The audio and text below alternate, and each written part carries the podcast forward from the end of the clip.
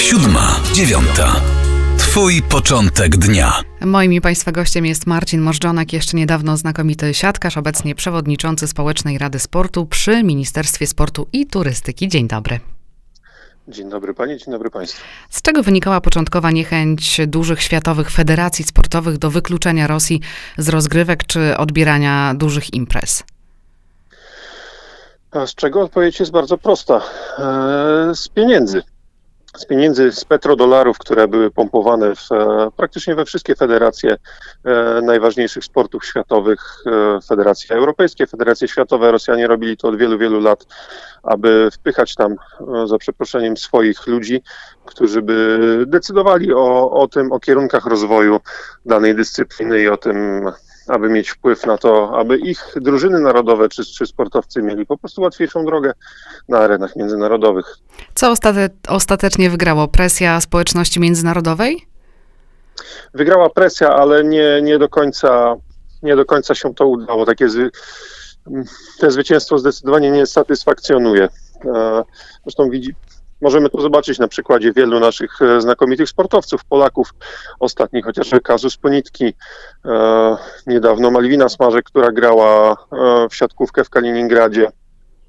Światowe federacje, europejskie federacje praktycznie na, na, w początkowej fazie nie zrobiły kompletnie nic, później pod presją społeczną, pod presją świata sportu e, zrobiły trochę, ale niewystarczająco, tak aby ułatwić tym wszystkim zawodnikom zerwanie kontraktów, którzy grają w Rosji, zerwanie bez żadnych konsekwencji prawnych, bo to, bo to o to chodziło. Nie, nie mam tutaj na myśli tego, żeby światowe federacje, czy rodzime nasze federacje e, dofinansowywały zawodników, którzy tam grają, bo niestety jest wojna na Ukrainie za naszą wschodnią granicą i ponosimy tego wszyscy konsekwencje. No właśnie, nie jest tajemnicą, że Rosjanie utrudniali zawodnikom rozwiązywanie kontraktów. Dla wielu z nich to pewnie były trudne chwile. To były bardzo trudne chwile. E, do Rosji idzie się przynajmniej w siatkówce, w koszykówce, ale zapewne w piłce nożnej jest podobnie. Idzie się grać po, po pieniądze, nie do końca po te też sportowe laury, bo tam, jak już wspominałem, kluby są napompowane petrodolarami. Kontrakty są naprawdę lukratywne. Często zawodnicy podpisują, czy zawodniczki, kontrakty życia. E, nie jest łatwo się rozstać, no ale wszyscy, jestem przekonany, że mieli świadomość, że w tej sytuacji grać na rosyjskiej ziemi nie, nie wypada. Więc chociażby się przydały te ułatwienia natury prawnej, bo jeżeli zawodnik może poświęcić swoje finanse, ale jeżeli zostanie zawieszony na dwa lata, to sytuacja robi się dla niego naprawdę bardzo, bardzo trudna, bo przypominam, że kariera sportowca jest bardzo krótka i on ma wąskie okienko na to, żeby zarobić sobie na, na swoją emeryturę. A co z takim argumentem, żeby nie mieszać sportu z polityką? Ale to ja już dawno z tego wyrosłem. E, sport z polityką był zawsze zmieszany, był zawsze splątany. Czy to nam się podoba, czy nie. E, możemy starać się jak najbardziej to od siebie izolować, ale nigdy tego nie zrobimy w 100%. E, ja uważam, że w ogóle cały świat, cały ten przyzwoity świat Zachodu powinien wykluczyć absolutnie Rosję jako kraj ze wszystkich związków sportowych, ze wszystkich federacji światowych, europejskich. Rosjanie powinni być wykluczeni, zbanowani na co najmniej 3 do 5 lat z każdej dyscypliny sportu, ze wszystkich imprez rangi mistrzowskiej, Mistrzostw Europy, Mistrzostw Świata, Igrzysk Olimpijskich. Wtedy naprawdę by poczuli, co to, e, co to jest presja, co to jest jedność e, świata zachodu bo dla Rosjan, proszę Państwa, bardzo, ale to bardzo ważną rzeczą jest sport. Oni tym sportem wojują. To jest jedno z narzędzi do rywalizacji e, międzynarodowej między krajami. Zresztą daleko e, wstecz nie trzeba sięgać pamięcią, jak chociażby państwo rosyjskie zaprzęgło swoje służby specjalne na igrzyskach w Soczi, żeby ukryć aferę dopingową, jakiej, jakiej się dopuścili. No to było na niespotykaną skalę zrobione. Zresztą ponoszą tego konsekwencje do dziś, ale sport e, w oczach Rosjan jest tak potężną bronią, tak potężną bronią marketingową, prestiżową, że jeżeli byśmy ich tego pozbawili, to byłby naprawdę duży cios. To może brzmi śmiesznie, bo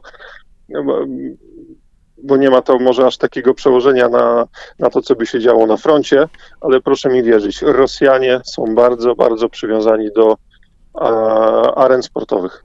Czyli rosyjscy sportowcy powinni się spotkać z ostracyzmem i to na długo. Absolutnie tak. No niestety, jest wojna, więc ponoszą też odpowiedzialność zbiorową. A z tego co czytam, z tego co słyszę, część sportowców nawet popiera opera, specjalną operację militarną. No, śmiech na sali, pusty śmiech mnie ogarnia, jak słyszę coś takiego. Skoro mówimy o wykorzystywaniu sportu do propagandy, to kilka dni temu Lokomotiv zamieścił w mediach społecznościowych galerię zdjęć z przygotowania do meczu, a tam widzimy uśmiechniętego Macieja Rybusa, czyli taki przekaz, nic się nie dzieje, wszyscy są zadowoleni. PZPN naciskał na wykluczenie Rosji, a tu uśmiechnięty reprezentant Polski, wiadomo jaki to miał mieć e, wydźwięk. Jak pan podchodzi do sportowców, którzy zdecydowali się zostać w Rosji Rosji i tam grać. Sportowców europejskich oczywiście. Ka każda, każdy z tych przypadków jest inny i każdy z tych przypadków należy rozpatrywać indywidualnie. Nie wiem, czy Maciej Rybus, o ile się nie mylę, e, nie ma małżonki Rosjanki. Ma. Mhm. Więc tu też to, to bardzo komplikuje sprawę. A, a nie znam, nie znamy też kulis, co mogłoby się wydarzyć, co mogłaby zrobić FIFA, co mogłaby zrobić UEFA, żeby ułatwić takie rozwiązanie, żeby ich po prostu jako kraj wykluczyć, żeby te rozgrywki, które odbywają się w Rosji, już obojętnie w jakiej dyscyplinie, żeby nabrały rangi rozgrywek po prostu podwórkowych. No właśnie, jeśli chodzi o te czasami oceny zbyt szybkie zawodników, musimy pamiętać, że czasem to są gigantyczne kary mm, dla tych zawodników, którzy chcieliby rozwiązać e, kontrakty e, natychmiast. A jak to jest z siatkarkami i siatkarzami? Czy nasi już wyjechali z Rosji? No wczoraj, wczoraj wyjechała Malwina Smarzek, która rozwiązała kontrakt z Lokomotywem, e, z Kaliningradem.